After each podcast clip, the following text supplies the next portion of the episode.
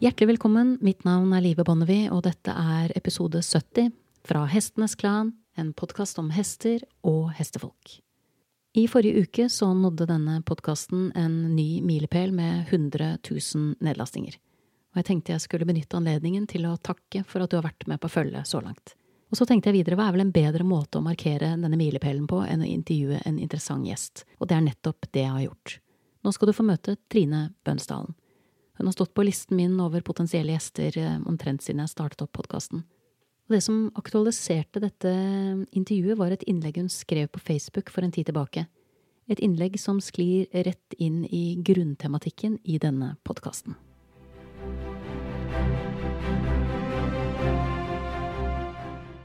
Trine, hjertelig velkommen eh, hit til denne podkasten. Tusen takk, Live. Takk for at eh, jeg får komme. Vi skal snakke om eh, mange forskjellige ting, men jeg tenkte at jeg skulle starte med å prøve å plassere deg litt for de som ikke kjenner deg fra før. Ja. Du har en tilnærming som du kaller for relasjonell horsemanship. Og der fokuserer du på utviklingen av en dypere forståelse for hesten og bevisstgjøring rundt samspillet mellom hest og rytter. Jeg lurer på om du kunne startet med å utdype litt eh, og si litt om din treningsfilosofi?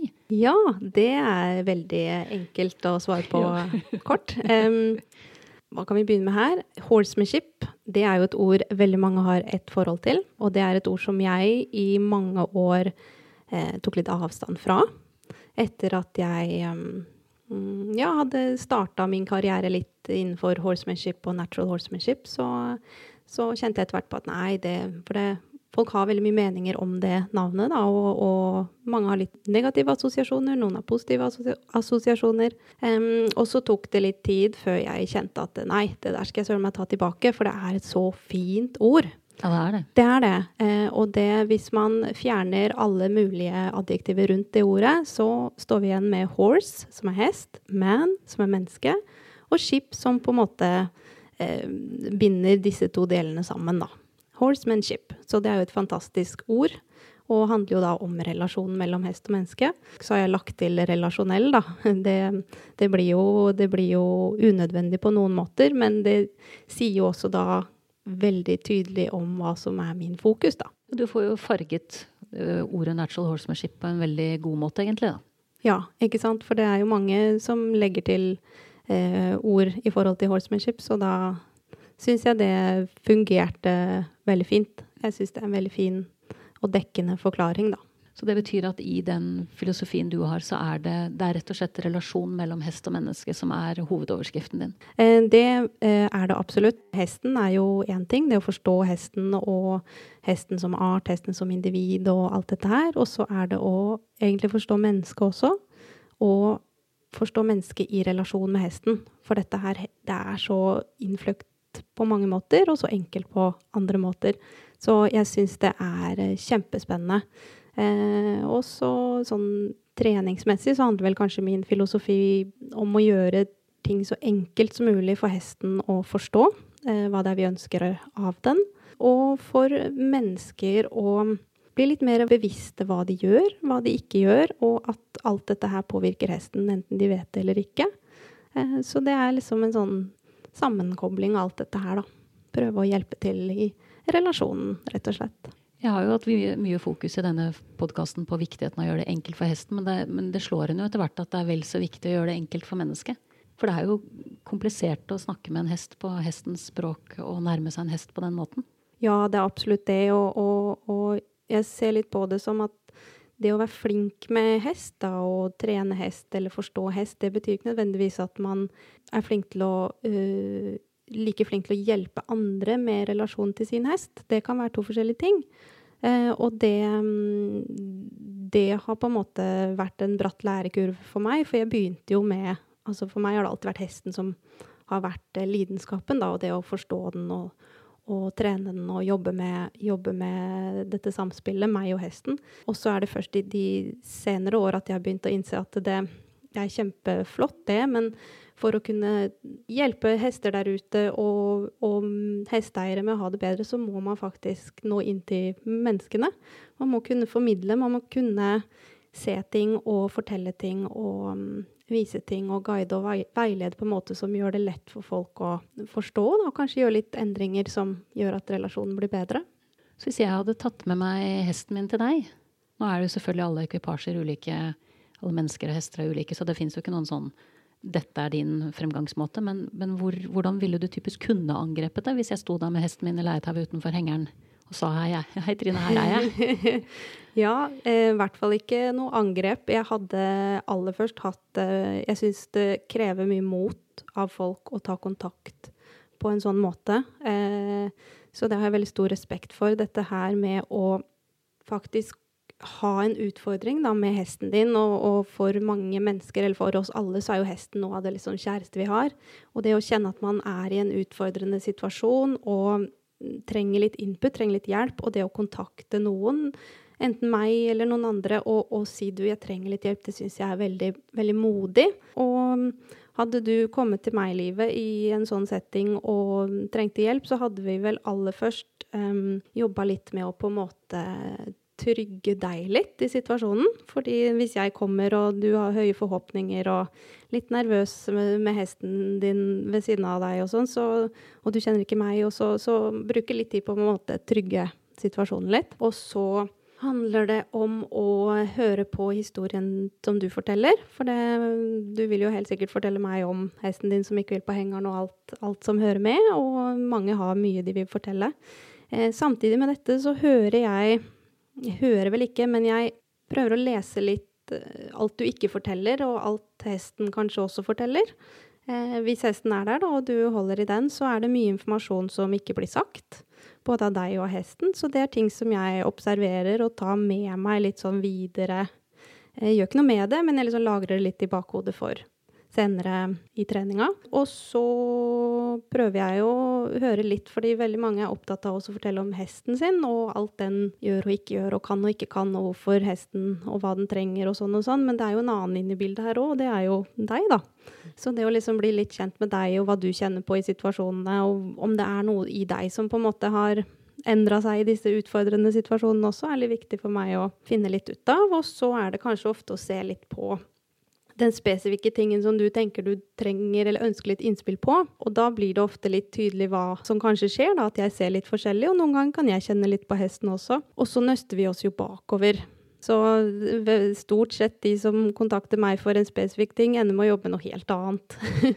og det er, um, det er jo liksom fordi Hvis man tenker på hengertrening, da du, Hvis vi sier at hesten din ikke har lyst til å gå inn på eh, hengeren, eh, f.eks., og, og, du sier den er ikke redd, da, den, eh, den, eh, den, vil bare ikke inn på hengeren, så er det så mange, mange momenter inni dette her, da. Ikke sant? Det er eh, Kanskje jeg spør om hesten kan stå inne i stallen aleine i en boks, f.eks. Så sier du nei, det kan den ikke. Nei, OK. Kan den stå bundet? Nei, det, da ryker den alt som er. Ja, OK. Eh, så du skal spørre denne hesten om å gå inn i et trangt rom, en henger, sperre den inne, binde den opp. Eh, det er mørkt, det rister og kjører av gårde. Eh, og så kan den ikke noen av disse tingene hver for seg. Så det er litt av det som på en måte vil komme fram, da. Og så handler det liksom om bakkekontrollen, håndteringa. Det, det, det er så mange små momenter som jeg tenker man må jobbe litt med hver for seg da, før man setter det sammen igjen, rett og slett. Det, er jo, det du snakker om nå er egentlig veldig tett knyttet opp mot et innlegg som du skrev på Facebook. Som jeg husker eh, som at kan ha vært i mars i år eller noe sånt. Det var et innlegg som ble delt 500 eh, ganger eh, eller noe der omkring. Og på det tidspunktet jeg leste det innlegget, så sto du allerede på lista mi over hestefolk jeg gjerne ville snakke med. Og grunnen til at jeg kommer på dette innlegget nå, er jo at når du står og vurderer meg og hesten min, og hesten som jeg også vet forteller en historie, og jeg har min versjon av hvorfor dette er blitt så vanskelig, hva det nå er som er blitt vanskelig mellom oss, så hadde du en, et innlegg som reflekterte rundt hvor hesten kan komme fra i alt dette. Uh, hvis det er greit for deg, så leser jeg bare et lite utdrag fra det innlegget. For jeg syns det føltes veldig relevant ut. Uh, da har du på en måte, sånn som jeg leser innlegget, henvendt deg til eieren av hesten. Og da skriver du du er redd for skader, derfor står han alene. Alene inne, alene ute. Dag ut, dag inn. Han har blitt vanskelig å håndtere, sier du. Han er vanskelig å leie. Han har så mye energi. Han steiler, skvetter, går deg ned, sparker bakut.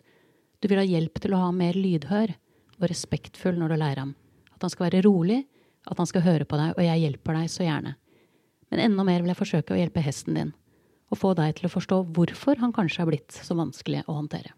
Ja, det er jo et lite utdrag av en tekst som jeg skrev som ble delt ganske mye. Og det er jo noe jeg ser ganske mm, Ikke ofte, men det, teksten er ikke bare på en måte et enkelttilfelle. Det mm, er mange situasjoner hvor jeg kommer hvor folk har utfordringer med håndtering av hestene sine. Eh, leie de fra stallen til paddock eller stallen til ridehallen eller et eller annet. Eh, og så for å liksom nøste litt opp i dette her, da, så stiller jeg litt spørsmål om hvordan hesten har det i hverdagen. Og veldig mange har jo da en hest som står inne på natta og ute i en ganske liten paddock på dagen. Og, og, når vi ser på den, så er det ikke så mange galoppsteg den kan ta i den paddocken. Det er gjerne grusa og ganske flatt område. Og så er det litt avstand til neste paddock, så den når ikke noen andre hester heller. Eh, og så skal den da mm, Så er det jo ikke noe som skjer i den dagen annet enn midtfòring, og at du kommer, eller eieren kommer på ettermiddagen da, for å ri. Og da gjerne en time trening på banen. Eh, og da er jo målet og ønsket fra eh, hesteeier at hesten skal være veldig lydhør når man trener. Og det blir jo da den ene timen da, i døgnet som den hesten faktisk har mulighet til å utfolde seg litt fysisk. Så man setter jo hesten i en ofte en veldig vanskelig situasjon. Dette er jo bevegelsesdyr. Det er på en måte det som er kjernen i hva de er for noe. De har lange bein, de er skapt til å løpe og hoppe og sprette og liksom få utfolde seg litt fysisk. Og når man tar bort den muligheten og kun ønsker eh, altså lydhørhet i enhver situasjon som den er utenfor paddocken, så, så blir det veldig vanskelig å være hest noen ganger, tror jeg. Kunne vi tenkt rundt, for det er jo, dette er jo et liv som mange hester har. Ja. Kunne vi tenkt litt rundt For det, det, jeg kjenner at jeg tenker på, er jo at um, noen ganger så er det den muligheten som finnes til å ha hest. Det, er, ikke sant? det kommer an på hvor man bor og sånne ting, men kunne vi tenkt litt rundt hva kan man gjøre for å gjøre det beste ut av det man har? Da? For det er sånn som du tenker også, det er kanskje litt mye forlangt at, at hesten bare skal danse etter vår pipe og alle våre innfall den timen, når den er så full også av å være hest. Hva, hva, kunne, hva kunne vi bydd på av forslag til hvordan slike hester også kunne fått en mer allsidighet, og at man kan se på det relasjonelle horsemanship-biten? Altså hvordan kan man styrke relasjonen og, og, få et bedre liv for en sånn hest som, som har den type hverdag? Det er et uh, stort uh, spørsmål som jeg ikke tror jeg har uh, noe veldig tydelig og godt å eh, fasitsvar på. Jeg tenker hvis man har mulighet eh, til å gi dem en litt større luftegård, kanskje en kompis, Um, og hvis ikke det, mulighet til å kanskje slippe den litt løs på ridebanen, så den får strekke litt på beina. Hester er eh, fra naturens side glade i å spise og gå og lete etter mat store deler av døgnet. Så det å Eh, tilrettelegge for det litt. De er også skapt for å bevege seg til nye steder. Så en litt sånn utradisjonell tanke kan være å bytte paddock, f.eks. Det høres litt rart ut, men det vil gi eh, hestene at man på en måte byttelåner paddock for en dag, eller eh, noe sånt noe. Så vil de, det gi hestene en litt variasjon, da, i hverdagen. Da fikk jeg litt sånn free seating-følelsen i kontorlandskapet. At det er en sånn balansegang da mellom forutsigbarhet, hvor du vet hvor du skal sitte og jobbe, og den der følelsen at du ikke hører hjemme noe sted. Men selvfølgelig, jeg tror du er inne på noe i forhold til det med å, å by på en slags variasjon da, innenfor den rammen som fins. Ja. Men det kanskje viktigste blir vel hva du gjør den timen du rir, da. Ja, absolutt. Det er jo også en fordel å variere litt der, og kanskje ha en liten forståelse for, eh, for eh, hestens atferd òg. Det det er jo en balansegang her, fordi det er klart at uh, hvis man kommer i en situasjon hvor hesten må stå på sykepaddock, da f.eks. har skada seg og er nødt til å forholde seg helt rolig, så blir jo det ofte en håndfull å håndtere, nettopp pga. denne mangelen på, um, mangelen på fysisk utfoldelse. Eh, og vi trenger jo likevel en slags eh, kommunikasjon og, og uh, mulighet til å håndtere hesten på en trygg måte, da. Så det er jo en balansegang her uh, hele veien, tenker jeg. Og jeg tenker også at vi som mennesker har et ansvar for å forberede hesten på muligheten for at den kanskje skal måtte stå aleine inne i en boks. eh, eller i en syk paddock, eller i sånne forskjellige situasjoner. At det, det, er også en ting for, det, for hestene å bli litt vant med, rett og slett. Fordi hvis første gangen de skal stå inne aleine i en boks fordi de er, um, er, dårlige av en grunn, så syns jeg det er veldig synd hvis de ikke har erfart det tidligere, da. I forhold til vårt ansvar med å forberede dem på alt som livet med oss kan by på, egentlig? Ja, jeg syns det er et ansvar som vi har når vi først har de i vår eh, hverdag og på en måte domestiserte hester, så har vi et ansvar for å hjelpe hestene med å ha det enklest mulig innenfor de rammene som vi tilbyr, da. Kan vi også snakke litt om hvordan du jobber når du Jeg liker veldig godt dette med å forberede hesten. Tenker Det er kjempeviktig. Det er så fort gjort, sånn som det hengereksempelet du trekker inn, og ta ting for gitt. Hvorfor kan han ikke bare gå på hengeren? Han er jo ikke redd. Jeg husker jeg jobbet med en trener en gang som sa kan han leies? Kan han stå bundet? Og kan han rygge på kommando? Så er det en god start. Men ofte så er man i gang med hengeren før man har de tingene. Så, men når du øh, jobber med en hest, hvordan går du fram for å lære noe nytt, f.eks.? Hva er liksom din en klassisk inngang for deg, da, og selvfølgelig blir det igjen helt avhengig av individet. Så du kan ikke si noe generelt, men ikke sant? bare en tankeeksperiment, så man får liksom litt tak på hvordan du tenker, da. Ja. Det er jo et kjempestort uh, spørsmål. Stille bare store ja. spørsmål, Trine, for små spørsmål er så kjedelig. så det, for det første så handler det jo om å bli kjent med hesten. Finne dens på en måte trygge sone, da, eller komfortsone. At man starter et sted hvor hesten er trygg. Eh, hvis den på noe vis liksom er veldig utrygg i seg sjøl i en situasjon, så når man jo ikke inn til den med noe læring på noe vis. Så det tenker jeg aller, er det aller første. Og så prøve å finne denne plattformen eller denne, dette stedet eller der som hesten føler seg eh, bra og komfortabel og trygg eh, i seg selv først, og så med meg, selvfølgelig. Og så handler det jo om å bli litt kjent med hesten, fordi i all innlæring så bruker vi jo ofte ulike former for uh, belønning, da, hvis du kan kalle det det, som hesten ønsker seg. Og det kan jo være veldig forskjellig fra hest til hest. Hvis vi ser bort fra Du har jo mat som belønning, men du har jo alt mulig annet også som hesten ønsker seg, som kan være belønning. La oss si du jobber med en hest som har veldig mye energi, da. Og det har jeg sett når jeg har holdt kurs, og så er det noen som tenker at ja, men da jobber vi med en øvelse også, og når vi er ferdig med den, så skal hesten få belønning, skal den stå og slappe av. Men det er jo ikke belønning for den hesten, det er jo faktisk jobb å stå stille. Eh, sånn at man evner å se det litt. Og har man da en hest som kanskje er litt mer energisparer, da, at man klarer å se at eh, denne hesten syns det er en belønning å få stå og slappe av. Så, så det, det, blir jo igjen veldig individuelt hvordan man legger opp løpet for læring. Hva som skal læres. Er det en spesifikk øvelse som skal læres, eller er det noe innenfor rammene med liksom håndtering og sånn generell kommunikasjon. Så når det kommer til unghest, så kan man jo bruke, bruke unghestens nysgjerrighet, f.eks. Det syns jeg er veldig spennende. Særlig dette med kombinasjonen De skal jo lære seg etter hvert å, å gå med bitt og ha på hodelag. Og en måte jeg syns er veldig artig å jobbe på, er jo mange unghester er veldig nafsete og klør i tennene og liksom skal drive med leietau og alt mulig sånt noe. Så ofte så har jeg med meg et bitt da, i lomma, eh, og så kan jeg eh, tilby dette bittet når hesten eh, lurer på om den skal nafse på et eller annet. Men så idet den tenker 'å, dette var spennende', så sier jeg 'nei, men eh, jeg tar det bort igjen, du kan se på det seinere'. Og så går vi videre, og så kanskje den kommer i nafsehumør igjen, og så viser jeg fram dette bittet, og så sier den 'Å ja, det bittet, ja, det har jeg lyst til å sjekke ut litt'. Og så lar jeg den sjekke ut litt, og så tar jeg det bort igjen, og så sier jeg 'nei, vi ser på det seinere'. Og det som skjer da, at jeg skaper et sånn nesten behov hos hesten i å bare 'Å, dette bittet, da, jeg må sjekke ut det bittet'. Så når liksom, så bygger man videre på det, og den liksom omsider får dette i munnen, så er den jo kjempehappy, ikke sant, så fornøyd. Eh, og det, sånn, det gir en sånn god følelse for meg som menneske også, da. Og eh, jobbe på den måten der. Og det er en veldig god følelse for hesten, og, og vi på en måte bare leker det inn litt. Grann. Så det er et lite eksempel, i hvert fall. Det er så individuelt, så. Men et godt eksempel, tenker jeg. Eh, det blir jeg jo litt sånn nysgjerrig på eh, om du kan si litt om um, inspirasjonskildene dine, på en måte. Altså, Hva har du lært av, av ulike trenere som har inspirert deg? F.eks. sånn som dette med bitt. Er det noe som har falt ned i hodet ditt basert på erfaring, eller det, har du jobbet med noen spesifikke folk som har ledet deg litt i den retningen og med det tankesettet?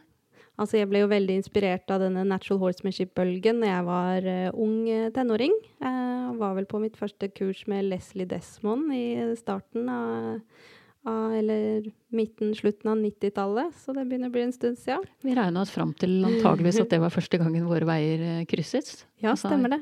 Ja. Det kurset på Akershus festning, var det ikke det vi landet på at det måtte ha vært? Ja, ja det er litt det. artig å tenke på. ja.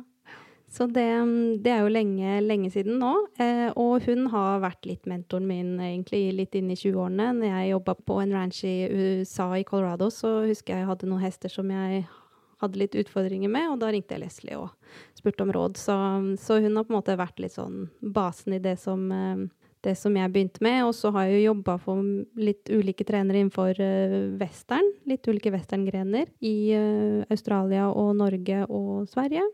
Og har jo vært på mye ulike kurs og dratt med meg forskjellige typer kunnskap eh, fra alle mulige grener, vil jeg si. Og så har jeg jo i tillegg eh, jobba som frilansjournalist og skrevet mye saker innenfor hestesport, og det har jeg gjort også med litt sånn baktanke om å kunne invitere meg til spennende hestefolk, da. Og spørre dem om alle mulige spørsmål jeg lurer på i sånn drakt av å være journalist. Så jeg har møtt mye spennende mennesker og lært eh, utrolig mye av alle disse her. Jeg følte litt at det traff meg litt, den, den journalisttankegangen din. At jeg sitter her med podkast og inviterer spennende mennesker som deg og andre gjester, og lærer enormt mye av det, og blir veldig inspirert av det. Så det er en veldig sant? fin inngang til å treffe nye hestefolk. Ja, så jeg, jeg kom på et eksempel med en uh, trener som jeg jobba en del med i Sverige.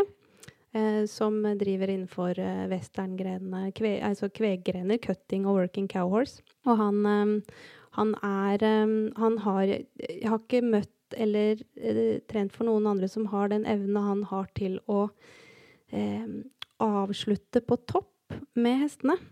Eh, og på en måte eh, når han trener, da, og da er det jo ofte å, å skulle utvikle hestens øh, evne til å jobbe kveg, da, så har han en sånn evne til å i det øyeblikket disse hestene gjør, er i ferd med å gjøre sin beste vending, da tar han i hånda, og så sier han wow, og avslutter.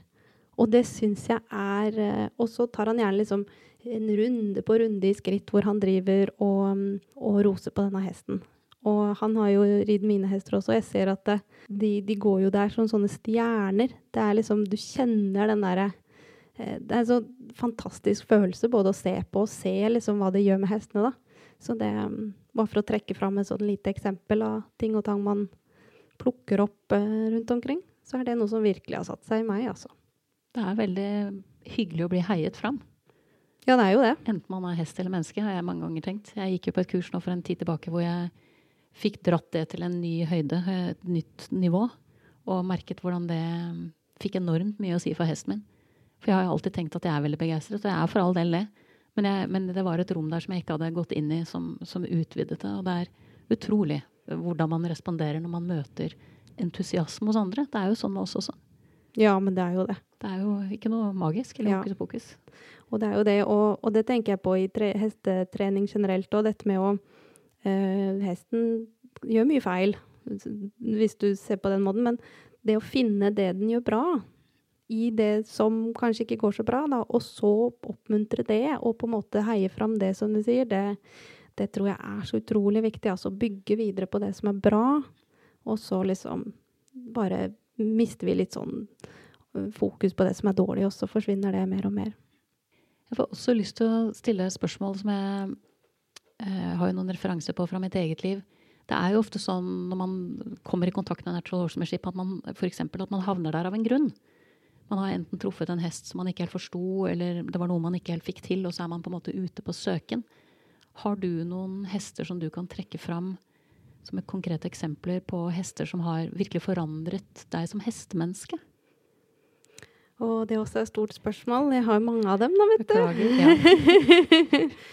Em, nå begynte jo jeg egentlig nesten samtidig med min karriere innenfor natural horsemanship, men um, det var en hest som um, jeg møtte i USA. Uh, jeg jobba et sted hvor vi trente hester innenfor grenen versatility ranch horse, som er en sånn samlegren for mange ulike westerngrener. Og når vi ikke hadde noe særlig eh, hest i trening, så reiste vi til den lokale hesteauksjonen og kjøpte unghester. Så da gikk vi rundt, og så fant vi en fem unghester som vi syntes så ålreit ut, og så kjøpte vi dem. Og vi, det var jo ikke jeg som kjøpte den, var jo sjefen min, da, men jeg var jo med, i hvert fall. Eh, og så uh, fikk vi disse hestene hjem og skulle ha de i paddocker, men den ene fikk vi da ikke grim på. Eh, og da var det sjefen min og en trener fra Texas som prøvde å få grim på denne hesten, og den endte med å bite ordentlig tak i treneren fra Texas. Um, og hun sa det at nei, dette vil ikke hun jobbe med. Og så snur han uh, sjefen seg til meg og så sier han, du Trine, jeg tror jeg har en kjempefin hest til deg her, som du kan lære mye av begynne helt fra, helt fra bunnen av, vet du. Det blir kjempebra. Det er, du må lære dette her. Og så tenkte jeg bare oi, oi, oi. Og, um, og han het Haywire. Uh, og han uh, var en tre år gammel quarter wallach. Og vi visste ikke noe om liksom hva som hadde gjort at han havna på den hesteauksjonen.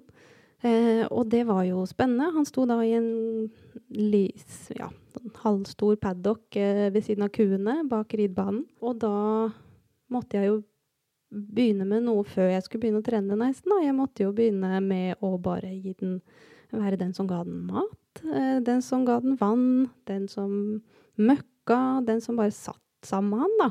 Eh, og han ville jo ikke ha noe med meg å gjøre i det hele tatt i starten. Eh, helt til han begynte å bli litt nysgjerrig da på hva jeg var. Og så etter hvert så fant jeg kløsted, og så etter det så gikk ting ganske greit. Og den dagen som jeg leide han fra eh, Hadde fått på Grime og leide han fra paddocken til, eh, til stallområdene og skulle begynne den ordentlige treninga, da. Det, da var jeg stolt uh, ung jente. Dette var stor stas. Um, og alle vi tenkte vel at dette ble jo liksom et prosjekt å ri inn, da, temme og ri inn. Uh, men Haywire, han var veldig ukomplisert. Han var veldig snill. Han var veldig um, grei med meg, som skulle lære dette her. Og vi hadde et helt fantastisk bånd. Og det han lærte meg, var jo det at det er jo noe som kommer før trening, da. Og før prestasjon, og det er jo relasjon. Det er jo dette med å skape den der samspillet mellom deg og hesten. Den kontakten og den tryggheten og det at han på en måte eh, Ja, blir venn, rett og slett, i starten. Før noe som helst så måtte jeg bli venn med han. Og den satte seg veldig. Og har jo vært litt eh, Ja, sånn som du nevnte i starten, dette med at jeg kaller det for relasjonell horsemanship, så vil jeg jo si at han, han absolutt var en start på det, altså. For da innså jeg at det er jo noe som må komme før trening. Så det er det jeg har lyst til å hjelpe litt til med. Veldig viktig inngang tenker jeg, til resten av ens karriere at man skjønner det. For det er jo det er interessant at det for mange kan være så vanskelig å ta tak i relasjonen først. At vi blir litt for mye på å gjøre og litt for travle i hodet og litt for orientert mot et mål, og så glemmer vi at vi skal være to om det. Ja. Der tror jeg du er inne på noe ganske viktig og vesentlig, som kanskje ikke bare handler om hestesamspill, men uh, relasjoner generelt i livet. Eh, og det kommer jo ofte veldig til syne sammen med hesten, da. Fordi at eh, du og jeg kan jo på en måte ha et annet ytre og vise oss fram på en måte som gjør at eh, andre mennesker tolker oss på en måte, da. Men hesten, den ser jo forbi alt det der. Den har jo et eh, en evne til å sanse vårt nervesystem, så vi kan ikke Vi kan liksom ikke late som vi er noe vi ikke er, og hva vi kjenner på på innsida, er det hesten eh, responderer på. Det er jo noen som snakker om at det er som et speilbilde av det du er på innsida, og det, jeg vet ikke om det stemmer helt, men, men jeg tror i hvert fall at den, den, responderer på det du er da, på innsida. Og det som blir viktig i, når man tenker på samspill med hest på den måten, er jo at vi veldig ofte ikke er så veldig i kontakt med hva som skjer med oss selv på innsida. og da er det ikke så lett å få den gode relasjonen med en hest. Eh, så jeg tenker at eh, noe av det som er kjempeviktig hvis man har lyst til å utvikle en litt sånn dypere forståelse både for hesten, men også for samspillet og relasjonen med hesten, så er det jo nettopp det å eh, bli litt bedre kjent med seg selv, rett og slett. Og tørre å gå litt grann inn i hva man kjenner på, og hva som skjer, og hvorfor man føler som man gjør, osv. Fordi at vi har Jeg tror vi har en veldig mye større rolle i eh, disse situasjonene som oppstår med hestene, enn det vi noen ganger tenker. Det er veldig lett å legge det litt opp på hesten. da, at det, den eh, får ikke til det, og den, den, er redd for det, og den har utfordringer det her og der. Og, og så er det veldig mange jeg treffer på, har jo ikke Det er jo ikke en tanke de har engang, at dette liksom kan ha noe med hva de kjenner på. Ikke sant? Det er veldig fascinerende at ikke vi klarer å ta det resonnementet. Jeg bare tenker på for min egen del. Både dette med at man kan si til seg selv at jeg er ikke redd, og så er man redd, f.eks. Ja. Altså at vi, har, at vi ikke er villige kanskje til Jeg vet ikke, kanskje det handler om at vi ikke er villige til å erkjenne at vi, ikke er, altså at vi er litt utilstrekkelige. Og at vi ikke er så, så, på plass som vi Altså at vi lyver litt for oss sjøl, på et vis. Mens ja. hesten, jeg tenker ofte det at hesten blir, blir egentlig en av dem som står der klar til å kle av deg de livsløgnene og på en måte skrelle inn til, til, det du er, på godt og vondt. da. Men jeg tenker hvis man tar den reisen med en hest, så, så kommer man veldig interessante steder. Ja, absolutt. Og det er um, Det er vanskelig, fordi det, det, krever at man tør å kanskje være litt sårbar og, og kjenne på litt forskjellige ting inni seg. Eh, det mest fantastiske med hesten er jo at den står jo der. Den tar deg jo imot, akkurat som du er. Er du redd, så er du redd. Det er på en måte Det hester trenger fra oss, tror jeg er eh, mye mer enn at vi prøver å være tøffe eller et eller annet vi har fått beskjed om å være, så tror jeg de trenger mer at vi er kongruente. Altså at, vi er, at det vi er på innsida, samsvarer med det vi viser på utsida, da. Det tror jeg For et uh, flokkdyr som hesten er, så tror jeg det på en måte er uh, Det er det aller, aller viktigste. Det å kunne stole på individene rundt seg det å kunne vite at du, du, er den du er, på en måte, da. Man vet jo med seg selv at det å møte mennesker hvor man kjenner at det, de kanskje Du kjenner noe annet enn det de sier, da. Det skaper jo en veldig utrygghet. I hvert fall for meg, eh, når jeg møter sånne mennesker. Så, så det, det, gir jo en veldig forståelse for hesten, hvis vi prøver å liksom Å, du må bare late som du er skikkelig tøff nå. Eh, så, ikke sant. Da blir jo hesten bare Mayday, mayday, her er det, her er det ikke samsvar hva er det som skjer? Dette er utrygt. Så, så, det å heller på en måte anerkjenne hva du kjenner på, tror jeg er kjempeviktig i samspill med hesten, altså. Ja, og kjenne på hva man, hva man, trenger selv i situasjoner hvor ting er utrygt. For jeg tenker jo at veldig mange av de situasjonene vi driver med hester, så er det mye som er utrygt for dem. Og da er det på en måte vi som skal stå der og være den bautaen som det går an å lene seg til. Og da er det jo litt sørgelig hvis vi ikke er på plass i oss sjøl på en måte som, som overbeviser oss selv engang. Ja. For da, det, da, er det litt mye forlangt at testen skal Jo, man skal, liksom, man skal høre på meg og sånn. Ja, men har du hatt så mye vettugt å si? Tenker jeg noen ganger. Litt sånn med ungene mine når de utfordrer meg gjennom oppveksten på sine ting. Altså Noen ganger så gidder de ikke høre etter, og da er det ofte en grunn til det. Det er det som kommer ut, gir ikke så mye mening. Ja. Du får liksom svar på tiltale. Og sånn tenker jeg det er litt med hestene også, at de trenger på en måte også å høre, å høre at dette kommer fra et sted som har en slags verdi. Mm. Sånn at det går an å navigere etter det. For det er, det er mye å være redd for i verden for en hest. Så hvis vi kan på en måte tilby den tryggheten og den tydeligheten på at Ikke at vi ikke kan være redde for ting, vi også, men at vi, at vi er sannferdige, da. Mm. Ja, det tror jeg er veldig viktig, for det eh, vi, vi, tar på oss et stort ansvar noen ganger og skulle være helt uredde selv i alle mulige situasjoner eh, med hestene, fordi at vi vil framstå som litt sånn tydelige, trygge ledere, og noen ganger så er man jo ikke det. Man, man er i situasjoner som er litt vanskelige, og man vet ikke helt hva man skal gjøre, og det er mange som jeg er rundt hos, har jo opplevd litt sånne ting, og blitt redde i ulike situasjoner og sånt nå. Det første man da kanskje må gjøre, er jo å anerkjenne dette lite grann, da. Ja, nå er jeg redd. Dette er en vanskelig situasjon, og så jobber man seg videre derfra, da. Man må på en måte vite litt hvor man står. Så det jeg tror det er viktige ting å ta med seg, i hvert fall. Det å, å bli litt mer bevisst hva som skjer i seg selv, og det. Og det handler jo om sånn som i hengertrening og sånne type ting, og det er så mange som har opplevd så mange situasjoner med hester da, som har vært litt ugreie i forbindelse med henger. Og dette har de jo veldig mange ikke en tanke om at det påvirker dem på noe vis. Det er klart det gjør det, ikke sant? Eh, og for hesten så sanser jo den alle disse tingene som vi ikke vet foregår inni oss, da. Så da blir det litt sånn, da blir det litt knut på tråden der. Veldig ofte. Ja, og så I forhold til hengetrening så tenker jeg også hvor ofte har jeg ikke sett folk som sliter med å laste hesten på hengeren, og så blokkerer de hesten. Så den kunne du egentlig godt vært med på å gå med på å gå på hengeren nå, det hadde ikke vært noe problem, men det, det, står en slags blokkering, et menneske som sperrer veien, som ikke gir det rommet som hesten trenger for å, for å gjøre det den blir bedt om. Ja. jeg tenker, Det er ikke så lenge siden jeg var på tur i skogen. Det er en helt annen historie, da, men jeg var på tur i skogen med hesten min, og så kom vi til en, en elv. Da hadde vi vært på en lang, sånn ordentlig detour. Egentlig ridd oss litt vill. Eller jeg hadde i hvert fall ridd oss vill. Han visste nok hvor vi var. Men så er vi jo da på vei tilbake, og da har vi liksom vært gjennom ganske mye sånn lønt terreng som ikke er supert å ri på. Så jeg har ikke noe veldig lyst til å snu.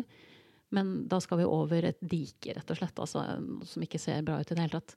Og det er en bro der som er 20 cm bred, og som ikke tåler 400 kg. Det er veldig lett å se. Men så jeg kan gå over, men det er egentlig litt for langt for han å hoppe, og han kan ikke gå over broa. Og så tenker jeg, hvordan løser vi dette her? Istedenfor at jeg da på en måte skal være den som er mastermind bak dette, så går jeg bare over broen, og så gir han bare tid til å fundere på det selv. Og så klekker han ut noe som jeg aldri ville tenkt på. Og det er at der hvor broa er, er det faktisk smalest. Og det, det området er jeg strøket av ligningen, for der er det jo en bro. Men han tenker at jeg kan jo hoppe der selv om broen er der.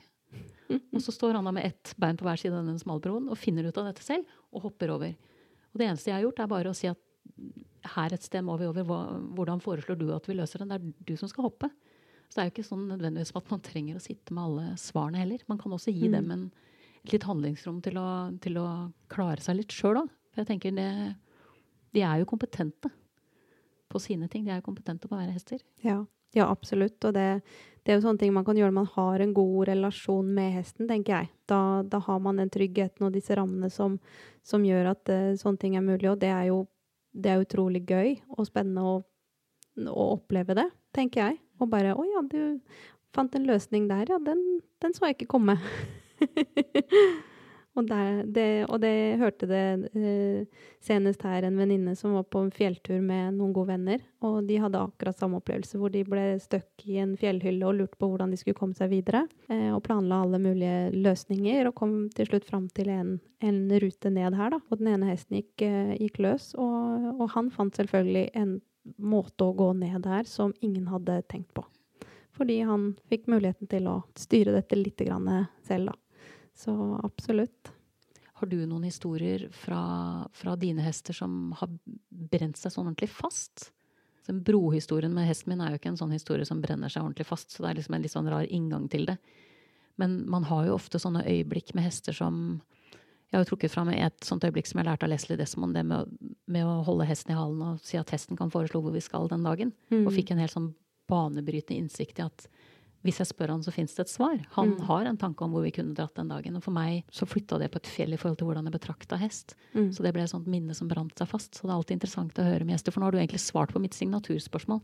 Jeg føler at oh, du liksom nei. har jo, Jeg kan stille det en gang til for sikkerhets skyld, men jeg følte at du svarte på det i stad.